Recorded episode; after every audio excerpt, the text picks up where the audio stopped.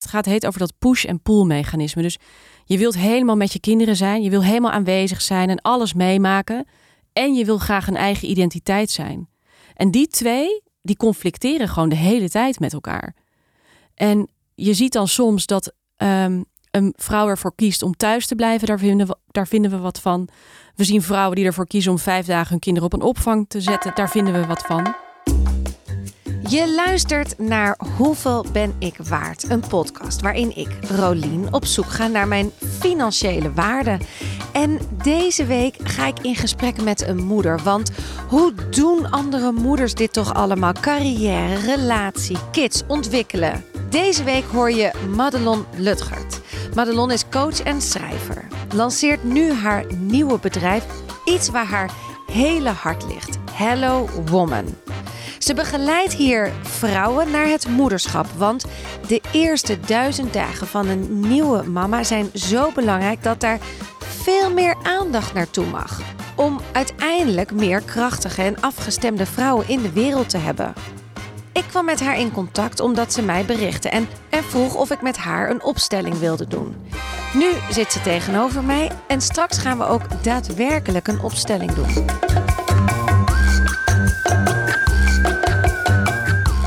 Ik ben echt een beetje ineens zoekende met alles. Ja, maar dat mag toch ook? Ja, dat is ook zo. En ik denk dat het uh, fijn is, en dat is misschien wel goed om nog even voor die opstelling te besluiten van wat wil je precies opstellen. Ja.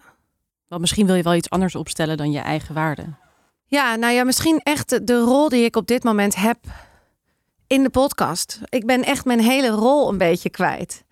Want precies wat je net zei, ik, was, ik begon als een beetje van hoeveel, wat is een freelancer, wat is een ZZP'er, hoe werkt dat? En nu ben ik op een punt dat ik denk, ja, ik weet eigenlijk wel wat ik waard ben. En dat vind ik ook dat ik dat verdien. En dat verdien ik nog steeds niet hoor. Maar ik, ik voel dat wel, dat geld en die waarde. Dus ja. Oh, ja, wat is nou mijn... Ik ben echt mijn rol kwijt in de podcast. Ja. Oké, ik begin natuurlijk toch met mijn eigen vraag. Madelon. Ja, Rolien. Wanneer wist je voor het eerst wat jij waard bent? Ja, dat is een goede vraag. En ik ben blij dat ik je podcast al luisterde. Want anders had ik heel lang moeten nadenken over deze vraag. Uh, ik denk dat ik voor het eerst wist wat ongeveer mijn waarde was toen ik um, mijn eerste serieuze baan kreeg in loondienst. En wij schreven zelf naar onze klanten onze offertes. En um, ik gaf uh, als uh, trainer teamcoach gaf ik uh, ja, workshops en teamcoaching. En dat vond vaak plaats in dagdelen van vier uur. Ja, en inclusief voorbereiding, et cetera, ehm, vroeg de, mijn werkgever daar zo'n 3000 euro voor. Een dagdeel? Ja, inclusief voorbereiding en nabespreking en afstemming, et cetera. Maar toen dacht ik altijd wel, en die klant zei gewoon heel vaak, ja, is goed. En ze zeiden ook wel eens, ja, we willen graag tien workshops afnemen. En toen dacht ik, oké, dat betekent dus dat ik in een twee weken, drie weken uh, 30.000 euro verdien. Ja, dat is uh, echt veel geld. Ja, dat is echt veel geld. En um, later hebben ze die workshopprijzen iets aangepast, omdat de klanten toch wel wat begonnen te klagen. Maar het is um, ja, toen niet lager gekomen dan volgens mij 2250 euro voor vier uur dat is nog steeds natuurlijk ontzettend veel geld. En uh, ja, sinds ik me dat realiseerde en ik daarna mijn eigen bedrijf startte, um, ben ik wel een beetje gaan spelen met, met die waarde met, uh, van geld. Ja. ja, want hoeveel ben jij nu waard? Per uur of wat? ja, je? nou, ik wil eerst, doe maar per uur, ja. Ja, ik vraag uh, zakelijk 250 euro per uur ex-BTW. En uh, particulier 100, 150 of 175. Ligt, ligt een beetje aan of het een enkel, enkel traject is, een losse sessie, of dat we echt in een traject zitten. Ja. Want je hebt dus ook traject. Nou, weet je, wacht. We moeten eerst even gaan. Wat doe jij? Ja, wat doe ik? Uh, nou, allereerst ben ik uh, moeder van twee dochters, Liz en Joan. Um, en daarnaast heb ik twee bedrijven. Ik heb een coachpraktijk, kijk op eigen wijsheid. En daarin coach ik individuen en teams. Vaak gaat het over het thema vertrouwen. Of het nou zelfvertrouwen is bij een individu of vertrouwen onderling in een groep. En ik ben sinds um, uh, ja, eind vorig jaar een nieuw bedrijf gestart, Hello Woman. En dat begeleidt vrouwen in de transformatie naar het moederschap. Ja. Um, waarin ik ja, en in Hello Woman kan ik ook echt mijn ondernemende kant kwijt. Dus wat ik dat, waar dat soms wat lastiger was in mijn coachpraktijk met één op één sessies en zo, uh, ben ik met Hello Woman echt aan het ondernemen. Ja, en Hello Woman is dus wat je net zei, het is van, van vrouw ga je naar moeder. En dat traject daar naartoe, daar begeleid je vrouwen in. Ja, het, het idee daarachter is dat uh, hoe jij gevormd bent in, het, in de eerste duizend dagen van je leven, legt een patroon neer voor de rest van je leven. En als een vrouw moeder wordt, gaat natuurlijk alle aandacht naar het kind. Um, maar er wordt in een vrouw heel veel geactiveerd op een moment dat ze zelf moeder wordt. Of als ze kinderen heeft en ze gaat opvoeden en ze loopt tegen van alles aan. En ik denk dat um, vrouwen daar veel meer ondersteund mogen worden. Maar ik denk ook dat die periode uh, ervoor kan zorgen dat we gewoon meer afgestemde, krachtige vrouwen gaan krijgen.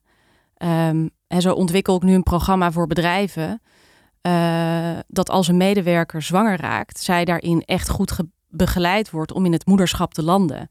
En dat je dus als werkgever zegt: het maakt niet uit um, of je moeder wordt of niet. We begeleiden je daar goed in. Want als we je goed begeleiden, kan je ook beter terugkomen straks met meer kracht en met meer energie en liefde en alles. Ja, ja. want, want um, ja, er bestaat dus echt een mooi woord voor moeder worden is matrescentie, net als het woord adolescentie.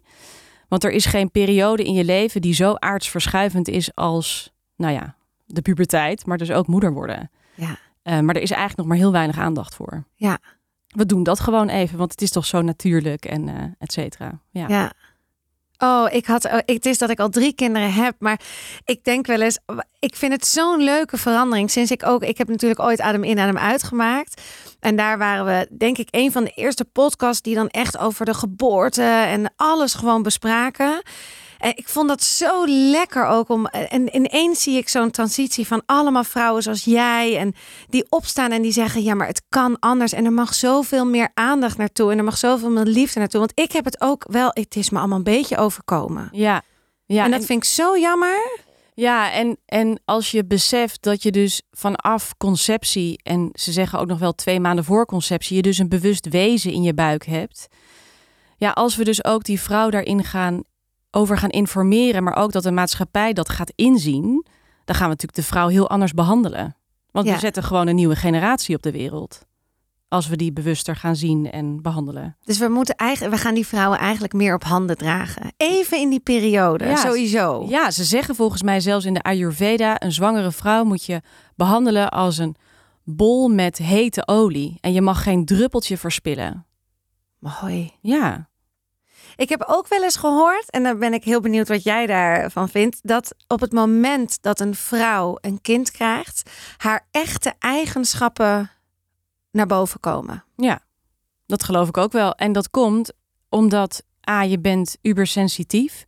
Door de verschillende hormonen in je lijf word je, word je intuïtief ook sterker. Want je wilt intuïtief voor je kind gaan zorgen. Je wil het beschermen. Um, en uh, de zwangerschap en de geboorte is stress. Zowel positief als negatief. En onder stress ja, komen onze patronen, onze overtuigingen, onze gedragingen naar boven. Ja, maar die zijn soms niet altijd even leuk. Maar die moeten we dan toch maar omarmen.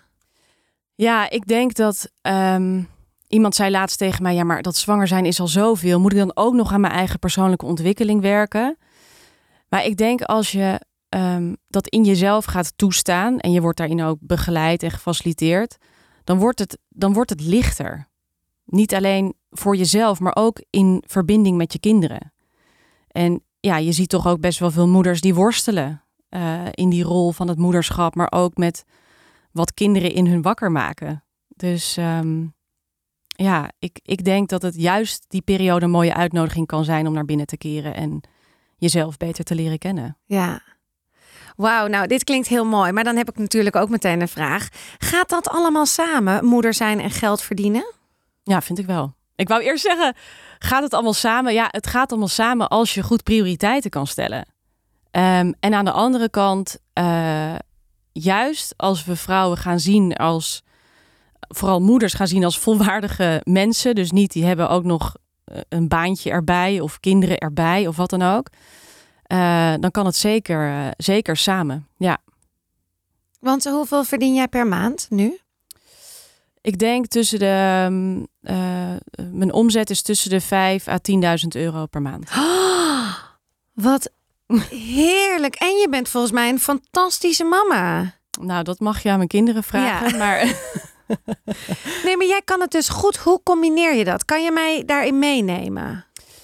ja, ik heb eh, eh, een echtgenoot eh, waarmee we de afspraak hebben dat we er gelijkwaardig in staan. Nou, dat, je hebt natuurlijk een verschil tussen man en vrouw. Hè? Als mijn kinderen ziek zijn, dan willen ze het liefst bij hun zachte, warme moeder zijn. Ehm, maar ik ben één dag thuis in de week. Mijn man is één dag thuis in de week. En ehm, onze ehm, moeders en mijn, en mijn vader ook, die komen elke week, zeg maar om de week. Dus die hebben allebei een eigen dag. En eh, op maandag en vrijdag gaat onze jongste naar de crash. En op maandag gaat onze oudste naar de BSO. En op vrijdag wisselen we dus om en om om. Dus dan halen we de oudste op uit school. En dan kunnen we ook met haar even wat quality time alleen hebben. Dus zo geven wij dat nu vorm. Ja, want je bent dus wel vier dagen per week aan het werk. Ja, en, en ook, eh, ik ben nu een boek aan het schrijven. En dan werk ik ook vaak nog een ochtend in het weekend. Of avonden. Dus ehm, ja, ik zou, ik zou je eerlijk zeggen, ik zou best wel zeven dagen in de week willen werken. Alleen ik heb er ook voor gekozen om moeder te worden. En ik, ik heb het idee dat, eh, dat het heel fijn is om samen met hun dit, deze fase ook door te gaan. Dus ja, soms bekruipt het me wel eens van ik zou nu heel graag weer zo'n lege dag voor me willen hebben om alles te ontwikkelen en te creëren wat in mijn hoofd zit. Maar ik kies er toch voor om dan ook met mijn kinderen te zijn. Maar En kan jij dan echt met je kinderen zijn? Is die telefoon dan weg? Zijn die mailtjes? Kan je dat dan allemaal loslaten en er zijn? Ja, nou, mijn kinderen spiegelen mij hier, hierin ook heel extreem. Dus als ik niet eh, present ben, als ik niet aanwezig ben, dan krijg ik het gewoon voor me kiezen. Ja. En ehm, ik kan wel aan mijn oudste, die is nu, eh, nu bijna vijf, kan ik ook wel goed uitleggen van ik, ik wil even bellen of eh, ik moet even een berichtje sturen. En echt, ik ben absoluut geen heilige. Dus ik heb soms wel eens een belafspraak en dan gaat, gaat de tv even aan of wat dan ook. Ehm, maar ik probeer op die woensdag, en ik heb die dag merk ik ook nodig. Want op de andere dagen in de week ben ik er voor allemaal andere mensen, zeg maar. En die ene dag in de week wil ik ja, vooral lekker veel naar buiten. He- Echt een heel simpel klein leven hebben. Van, van naast al dat grootse wat daarnaast allemaal is. En dat werkt voor mij wel goed. Ja. Ja. ja. dat is een, inderdaad een goede combi. Ja, ik heb dat dus, ben, daar, ben nu echt even helemaal alles kwijt. Ja. Ik ben op een punt dat ik echt denk: oh god, hoe doen mensen dit? En hoe doen moeders dit? Want nou ja, iedereen heeft mijn hele avontuur kunnen volgen. Ik ben van stage lopen, doe ik nu ineens, heb ik een podcast, die doet het hartstikke goed. Daar ben ik heel blij mee, maar ik ben mijn rol kwijt. Ik ben mijn rol als moeder kwijt. Ik ben mijn rol als stewardess kwijt. Ik ben eigenlijk alles kwijt in die zin. Eh, maar, en maar wat ik het vervelendste vind, is dat ik dus nergens echt ben. Dat ik, en, ik, en ik vind het het ergst dat ik het merk aan mijn kinderen. Dat ik echt niet een hele leuke moeder ben. Nee, want wat merk je dan? Ja, ze, ik ben gewoon een beetje. Ik ben er gewoon niet helemaal. Ik denk gewoon altijd: oh ja, shit, ik moet dat nog doen en dat nog doen. En als ik nou. Oh ja, nou, dan moeten ze snel naar bed. En dan lig ik met ze samen. Want ze mogen altijd in het grote bed bij ons in slaap vallen. En dan doen we altijd een meditatienummer. Dat vind ik echt, daar, dat zweer ik bij. De tovenaar. En dan gaat hij aan en dan liggen ze bij me. Maar ik denk nu wel: oké, drie, twee, één. Eh, eh. Nee, ze slapen nog niet. Nou, nog een keer. Ik word dan helemaal. Ja, en dat vind ik zo relaxed. Super relaxed. En het is, het, de, toen je zei van ik ben alles kwijt, toen kwam bij mij wel de vraag op wat heb je inmiddels verkregen, doordat je nu alles, doordat alles nu niet meer zeker is. Je weet eigenlijk niks meer even zeker. Nee. Dan is er ook iets vaak wel. Nou, dat heb ik, dat voel ik nu echt even niet. Ik ben het dus ook, dat is dus om nu maar heel eerlijk een gesprek te hebben over deze podcast. Ben dat dus ook even kwijt. Ik ben ook even kwijt of ik, ik wil hier, ik ga hier zeker mee door, maar ik weet gewoon niet in welke rol. Ik weet ook niet wat ik er nu voor terugkrijg, want ja, hoe lang kan je over geld blijven praten? We weten dit verhaal nu wel. Ik weet namelijk ook echt hoeveel ik zelf waard ben. Ja, en nu, nu voelt het allemaal op losse schroeven en weet ik niet wat ik er voor terug heb gekregen. Kan dat? Bestaat dat dat je echt alles even kwijt bent? Ja, ja ik zat zelf, eh, ik denk een jaar geleden, eh, in zo'n fase dat ik voelde dat het oude niet meer paste, maar het nieuwe was nog niet bekend. Nee, dat is het een Ja, beetje. En wat, we, wat ik dan vaak doe, is heel erg naar buiten gericht op zoek gaan naar dat antwoord van het nieuwe. Terwijl we weten allemaal dat dat antwoord natuurlijk in onszelf te vinden is. Ja. Alleen, ja, er zitten vaak ook wel ja, blokkades op daar komen. Bij wat wil je dan ten diepste, het liefste? En ehm, omdat we dan niet naar die blokkades en dat donker en die pijn of wat dan ook toe willen bewegen, gaan we kijken naar buiten toe. Oké, waar ga ik het antwoord vinden? En ehm, het enige wat ik mezelf toen heb toegestaan, en, en begrijp me niet verkeerd, ik heb me ook heel gefrustreerd gevoeld, ehm, is steeds een soort van opschrijven voor mezelf. Ik weet het niet en dat is oké. Ja. En het komt naar me toe als ik er klaar voor ben. Maar blijkbaar is er nog geen helderheid omdat ik er nog niet klaar voor ben. Dat is, dat is dus in, in niet weten, in alles even kwijt zijn, zit ontzettend veel ruimte. Ja. Alleen ja, dat kan ook heel beklemmend en spannend voelen natuurlijk. Ja.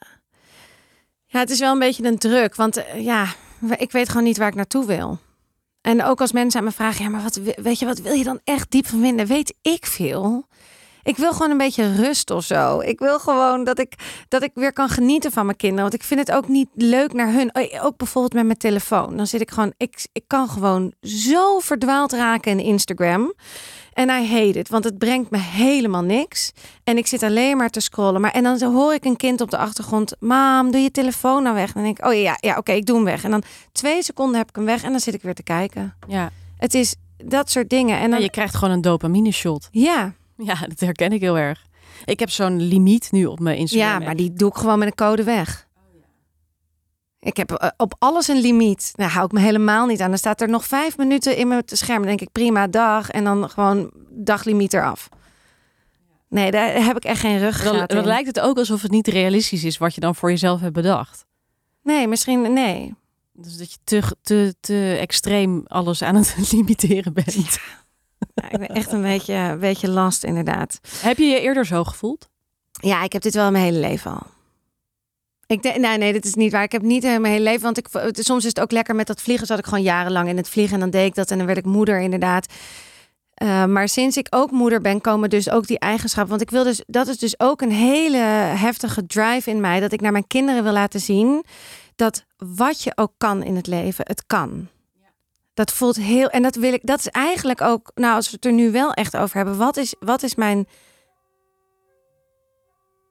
er gaat een alarm af. Oh nee, het gaat weer, stopt weer. Oké. Eh, wat mijn mega drive is op dit moment, is wel dat ik vind dat het maakt niet uit hoe oud je bent. Je kan altijd doen wat je wil. Weet je, er is al, en ik snap wel dat dat. En dan, maar dan kom je ook dit soort dingen tegen, dat je het even kwijt bent en zo. Nou, en ik vind het mooi dat je dit zegt, want dat betekent dus dat als je dus verandering wilt, dus als je ja gaat zeggen tegen iets, zeg je ook ergens nee tegen. Ja, In mijn leven is echt niet alles op orde. Ik heb er alleen heel erg gekozen om nu mijn gezin en mijn werk op één te zetten. Dus, Ja. Maar er is ook heel veel niet op orde. En vorige week was mijn jongste de hele week ziek. Ik heb allemaal afspraken moeten afbellen. Eh, ik zat op vrijdagmiddag jankend op de bank. Omdat ik het gewoon even niet meer weet. Maar ja, op zo'n moment denk ik: oké, waar heb ik voor gekozen? Wat is er wel? Ehm, kan ik daar dan even mee zijn? En eh, het weekend, oké, dat is belangrijk dat iedereen goed kan ontspannen, dat iedereen weer oplaat. En vanochtend werden we allemaal weer wakker met we gaan er weer voor. Dus als jij je kinderen wilt leren, het maakt niet uit hoe oud je bent. Ehm, je kan alles worden wat je wilt. Je kan altijd een nieuw, nieuw pad gaan bewandelen.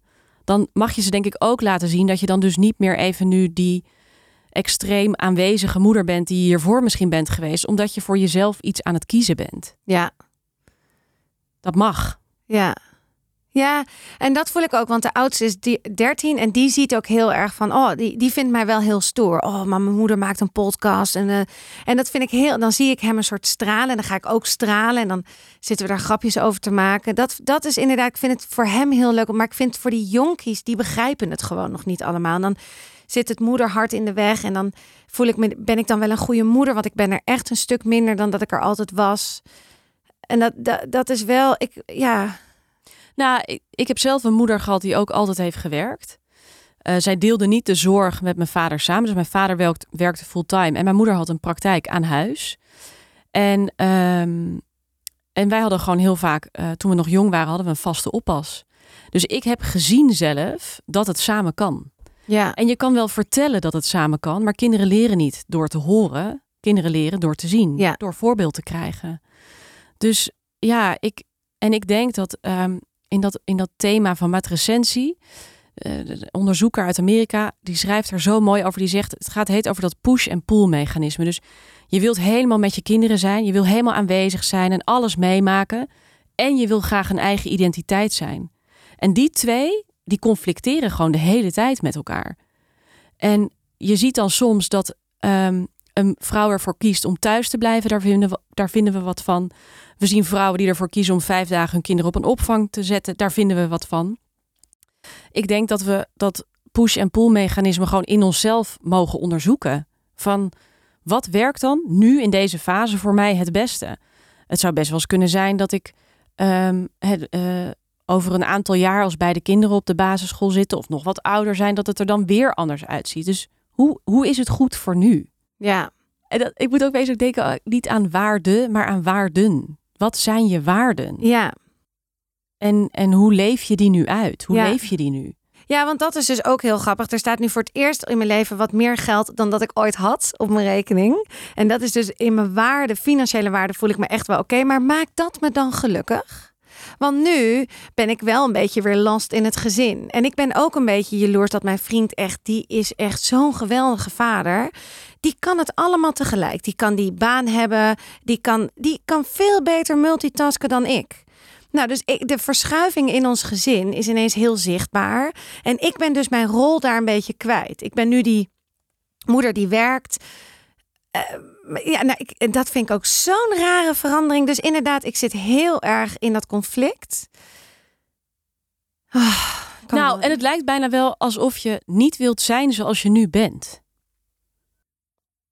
Nee, nou dat, dat klopt ook wel. Ik ben nu, ik, ik merk het, ja, nee, dat ben ik ook wel. Ik ben niet, ik, ik zit super lekker in mijn vel. Ben ook echt in mijn happy place waar ik ben, maar ik ben ook even helemaal kwijt, mijn, mijn eigen identiteit kwijt. En wat bij mij opkomt, en dat komt denk ik ook omdat ik jouw podcast heb eh, teruggeluisterd. Dus ik heb jouw proces zo meegekregen. En ik dacht op een gegeven moment al van ja, eh, de rollen aan tafel gaan verschuiven. Je, van, vertel mij hoe het moet naar ik weet hoe het zit, weet Ja. je wel. Ehm, ben, je, ben je bekend met om een soort van in je grootsheid te staan? Nee. Nee, en dat dit ben ik dus ook als de dood. Ik ben nu ineens als de dood met de podcast dat ik denk, ik ontgroei mijn eigen podcast. Maar dan meer in de zin, ik weet niet of ik nog 30 afleveringen kan maken alleen maar over geld. Maar ja, dan, dan, dan is iedereen loopt bij me weg. Want iedereen wil geldbedragen horen. En we willen het over geld hebben. Wat ik ook heerlijk vind. Hè. Ik, vind ik wil die combinatie. Ik wil nog steeds weten wat mensen verdienen en zo. Maar het is bijna niet meer mijn hoofdmoot. Ik ga er ook onwijs van weten ineens hier. Jezus. Maar ik vind het gewoon dan dat ik. ik dat, dat, ja, dus dan komen er angsten van, dan ben ik alle luisteraars kwijt. Niemand meer luistert meer naar hoeveel ben ik waard. Het concept valt als een kaartenhuis ineens. Ik val als een blok door de mand. Wat zo mooi is, toen jij begon volgens mij met deze podcast, zou, vertelde je mij net, ik zou vier podcasts maken. Dat Ja. stond er op de planning. Je had niet een verwachting van hoeveel mensen er naar zouden gaan luisteren. Je ging dit doen vanuit plezier, vanuit ik zie wel, vanuit nieuwsgierigheid. En het wordt groter en opeens richt je je blik naar buiten. Oh, wat wordt er van me verwacht? Wat willen anderen? Ja, waardoor je niet meer bij jezelf bent. Nogal wie is dat je niet weet wat je wilt. Want je probeert je af te stemmen op daarbuiten. Ja. Maar het gaat natuurlijk over om hoe kan ik me afstemmen wat ik van binnen ten diepste het allerliefste wilt. En daarvoor is die ruis van buiten ma- mag weg. Maar hoe haal ik die dan weg? Nou, we gaan straks een opstelling doen. Misschien kunnen we meenemen daarin. Oh ja, kan die dan naar boven komen, die ruis? Ja, lijkt mij wel. En wat denk je dat we moeten opstellen? Want we, het, de, het doel was natuurlijk dat we geld gingen opstellen. Maar als ja, jij mij waar- nu, geld en waarde gingen we Ja. opstellen. Ja. maar als jij mij nu zoals dit hoopje ellende ziet zitten hier, huilend. eh, Nee, maar hoe, wat denk je nu van, oh nee, we moeten dat opstellen of dat opstellen? Ja, ik denk, ehm, ik denk wel dat we iets mogen gaan opstellen van jouw grootsheid. Dus dat jij helemaal leeft wie je in essentie bent. En dat dat dus ook werkt. Oftewel, je verdient er geld mee. Uh, je, je, wordt er gelukkig van, je wordt er blij van. Het lijkt wel alsof er bij jou steeds ook iets van tekort bij hoort, omdat je dat nou eenmaal gewend bent. Ja. Maar hoe zou het zijn als er gewoon genoeg is, of misschien wel een beetje te veel? Dus, dus niet alleen te veel in geld, hè, maar ook te veel in wauw, dat, wow, dat dit mijn leven is. Dus Ja. alles loopt gewoon. Het stroomt. Ik stroom, mijn gezin stroomt. Dat betekent niet dat er geen tegenslagen mogen zijn. Dat betekent alleen dat je vanuit een soort fundament aan het werken en leven en zijn bent dat voor jou werkt. Dat kan ook alleen maar als het op jou afgestemd is. Dus ik denk dat we iets gaan opstellen van ehm, tekort en te veel. Een soort van spectrum, twee uitersten. En dan gaan we eens kijken waar je naartoe aangetrokken voelt en wat daar dan gebeurt. En wie ook invloed hebben op dat, eh, op jouw veld, zeg maar, om het even zo lekker vaag te, houden, vaag te houden. Ja, inderdaad. Klinkt wel heel vaak. Doe, kan jij nog ietsje meer vertellen over zijn opstelling? Want doe je dit... Hoe, hoe, hoe gaan wij zo aan de slag dan Ja. inderdaad? Ja. Eh, een opstelling is, is, eh, dat betekent systemisch werken, of dat is systemisch werken. En systemisch werken betekent dat elk individu onderdeel uitmaakt van een eigen systeem. En dat systeem is je systeem van herkomst, je gezin van herkomst, je je eigen gezin nu, maar ook je vrienden, sport, hobby, eh, werk, maakt niet uit. Alles is een systeem. En in dat systeem zijn allemaal ja, regels van iedereen heeft een eigen plek in het systeem. Eh, er zijn eh, rechten en plichten. Dus als kind heb je bepaalde rechten en als ouder heb je bepaalde plichten. Ehm, er is ordening en er is een balans in geven en nemen. Zowel horizontaal als verticaal. Dus in systemen is er rust als al die principes eh, nageleefd worden. Ehm, en vroeg, ja, vaak kennen mensen opstellingen van familieopstellingen. Dus generatie voor zich opstellen of ehm, eh, nou, eigen gezinnen opstellen. Maar je kan dus ook gedachten opstellen, overtuigingen, wensen, dromen. eh, eh, of, of juist verlies, dingen die je heel graag hebt gewild, maar nooit hebt gekregen. Of een, een, een sportcarrière die je ambieerde, maar die door een blessure is geëindigd. Je, je kan alles opstellen om te kijken hoe verhoud ik me tot het systeem. En wat is dan ook de plek waarop het optimaal voor mij kan gaan stromen? Dat is eigenlijk de gedachte achter systemisch werken. En een opstelling kan je inzicht geven in de blokkades van, ja. Ik zie het altijd als zo'n mobiele die boven een eh, box of een eh, babybedje hangt. Eh, als je één poppetje beweegt, dan gaat de hele mobiel bewegen. Dus zo zie je dat alles met elkaar verweven is. Gebruik jij het wel eens bij jezelf ook? Zeker, want ehm, ik heb vorige week een beslissing moeten nemen. Maar ik twijfelde heel erg. En dan leg ik gewoon twee blaadjes op de grond. En dan schrijf ik die keuzes op die blaadjes. En dan ga ik gewoon staan en ervaren. En, ehm, en als ik zelf gecoacht word, wordt het ook wel vaak ingezet. Maar als met mezelf gebruik ik het zo. Werkt echt extreem goed. Je voelt namelijk meteen een ja of een nee. Oké. Oh, dat ga ik ook een keer testen. Ja, En jij zegt net, hoor ik jou zeggen, als ik zelf gecoacht word, heb jij een coach? Ja, ja en ehm, ik, ik zit nu bijvoorbeeld in een coachopleiding. En daarin ben je vaak ook eh, leidend voorwerp. Ehm, en daarnaast probeer ik, nou, elk jaar doe ik iets van een opleiding en elk jaar doe ik iets van een eh, traject. En nu zit ik zelf weer even in een andere tak van sport. Want ik ben het praten soms wel een beetje beu. Eh, en nu heb ik het behoefte om meer te ervaren. En nu ga ik bijvoorbeeld naar een massagetherapeut. Dus niet, dat is niet wellness, maar dat is echt, nou ja, therapie, maar dan op lichaamsniveau, Ja. fysiek niveau. Ja. Is het dan richting reiki en dat soort dingen? Of is het wel echt met nog meer met en- aanraken? ja, het is echt massage. En zij, deze vrouw is echt een, eh, een wonder, mag ik wel zeggen. En zij is dus eh, een manueel therapeut, maar zij is ook, eh, ja, zij werkt heel intuïtief en energetisch. Dus los van dat ze gewoon heel veel weet van het fysieke lijf, kan zij gewoon voelen wat heeft dit lijf nu nodig. En ze geeft vaak aan het einde van de massage terug wat ze is tegengekomen. Ja, en dat linkt gewoon heel mooi aan het proces waar ik dan nu in zit. Ja. Dat is echt prachtig.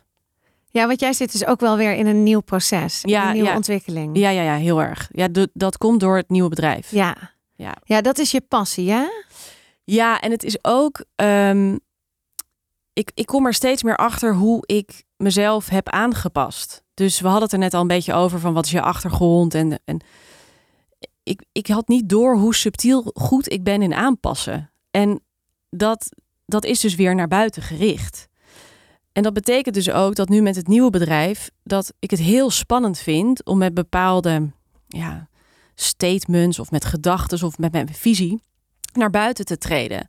Want ja, moederschap en de geboorte, het is een super gevoelig onderwerp.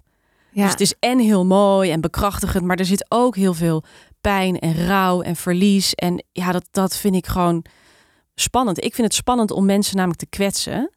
Raken vind ik mooi, als iets in beweging komt, maar kwetsen vind ik echt verschrikkelijk. Maar dat heb ik wel te leren in dit proces. Ja. Dat ik dus als mens, als ik helemaal ga staan in wat ik wil leven, ja, dat dat iets oproept. Ja, zeker. Ja. En, het, en het een boek schrijven, is dat op je pad gekomen? Heb je dat zelf ge, geïnitieerd? Hoe, hoe is dat gegaan? Nou, ik uh, lag bij mijn schoonheidsspecialiste op de bank. En toen hadden we het over je voorbereiden op de geboorte. En toen zei ik, ja, ik vind het gewoon zo bijzonder dat we niet nadenken bijvoorbeeld over uh, wat heb je met uh, angst of pijn of controleverlies of um, hoe ga je om met loslaten. Dat dat soort vragen, dat soort reflectieve vragen niet aan bod komen in de voorbereiding op de geboorte. En toen zei zij, joh, dan moet je gewoon in een soort werkboekje schrijven. Ja. Die avond zat ik achter mijn laptop en binnen ja, een half uurtje had ik een soort van ja, idee uh, uitgewerkt. En um, toen ben ik dat een beetje gaan vertellen aan mijn omgeving. En iemand zei, dan moet je daar gaan praten, moet je daar gaan praten. En toen was ik met een uitgeverij aan het brainstormen en die zeiden, werk je al met de doelgroep? Ik zo, uh, nou niet specifiek. Toen dacht ik, dan ga ik ook een bedrijf opzetten. Dat is Hello Woman geworden. Ja. En van een werkboekje over de geboorte wordt het een boek over de transformatie naar het moederschap, waar de geboorte natuurlijk onderdeel van uitmaakt. Ja, en dat uh, gaat in september gepubliceerd worden. En dat doe ik overigens zelf, zonder uitgeverij. Ja? Ja. Dus daar ga je in investeren? Ja. Hoeveel investeer je dan in zo'n boek? Ik denk dat het rond de 15.000 euro is. Wauw. Ja. Maar dit moet er komen. Uh, ja, het lijkt alsof het uh, uh, door mij heen komt. Ja, klinkt, dat klinkt een beetje vreemd. Maar wat ik daarmee probeer te zeggen is dat het lijkt wel alsof ik het niet helemaal heb bedacht. Maar alsof ik gewoon... Ja, als ik achter de computer zit en ik ga typen, dan komt er ook altijd van alles. En, en um, ik vind het echt een bijzonder proces, want het is er dus ook de hele tijd als zo'n scriptie, weet je wel. Dat als je dan s'avonds op de bank zit en je gaat een filmpje kijken, denk je, ja, ik zou nu ook kunnen schrijven. Oh ja, dat is wel heftig hoor, vind ik dat altijd. Ja, dus ik merk ook dat, ik lag dus zaterdag op de massagebank en toen zei ze, ja, ik heb het idee dat je cortisolwaardes echt door, de, door het plafond heen schieten. Dus ik heb wel echt te zorgen dat ik goed kan ontspannen, want er is dus de hele tijd wel iets te doen. Um, maar het is, um, ook een heel mooi proces. Want als ik dus, wat ik net vertelde over dat ik nog meer mag gaan staan voor wat ik dan geloof en wat ik zie en ervaar. Uh, ik moet mezelf dus de hele tijd de censuur eraf gooien in dat boek. Dus dan schrijf ik iets een beetje zo wollig en gezapig. En denk ik, ja, maar wat wil ik nou eigenlijk zeggen? Oh ja, gewoon dit. En dan, ja, dat is het. Mooi. Ja. Ik kijk uit naar dat boek. Ja. Ook al ben ik al mama, maar volgens mij maakt het bij dit boek bijna niet nee, dus, uit. Nee, ik, uh, ik, ik schrijf ook dat je mag. Je, mijn moeder is, is, is oma. Uh, die kan het ook lezen. Ja. ja.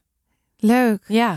hey, wij gaan de opstelling doen. Ja, spannend. Ja, ik vind het heel spannend. Ja. Ik was heel bang dat ik ga huilen. Maar ik weet niet waarom. Ik huil niet heel snel. Dus dat, uh, we zullen het zien. Ja. Dankjewel voor dit. Ja, tot zo. Je luisterde naar het gesprek met Madelon. En ik heb getwijfeld of ik het tweede deel, de opstelling zelf, online zou zetten. Want het is nogal persoonlijk. Maar ik weet ook dat ik zeker niet de enige ben die door al deze fases heen gaan. Dus wil jij weten hoe mijn opstelling was? Luister dan naar het tweede deel.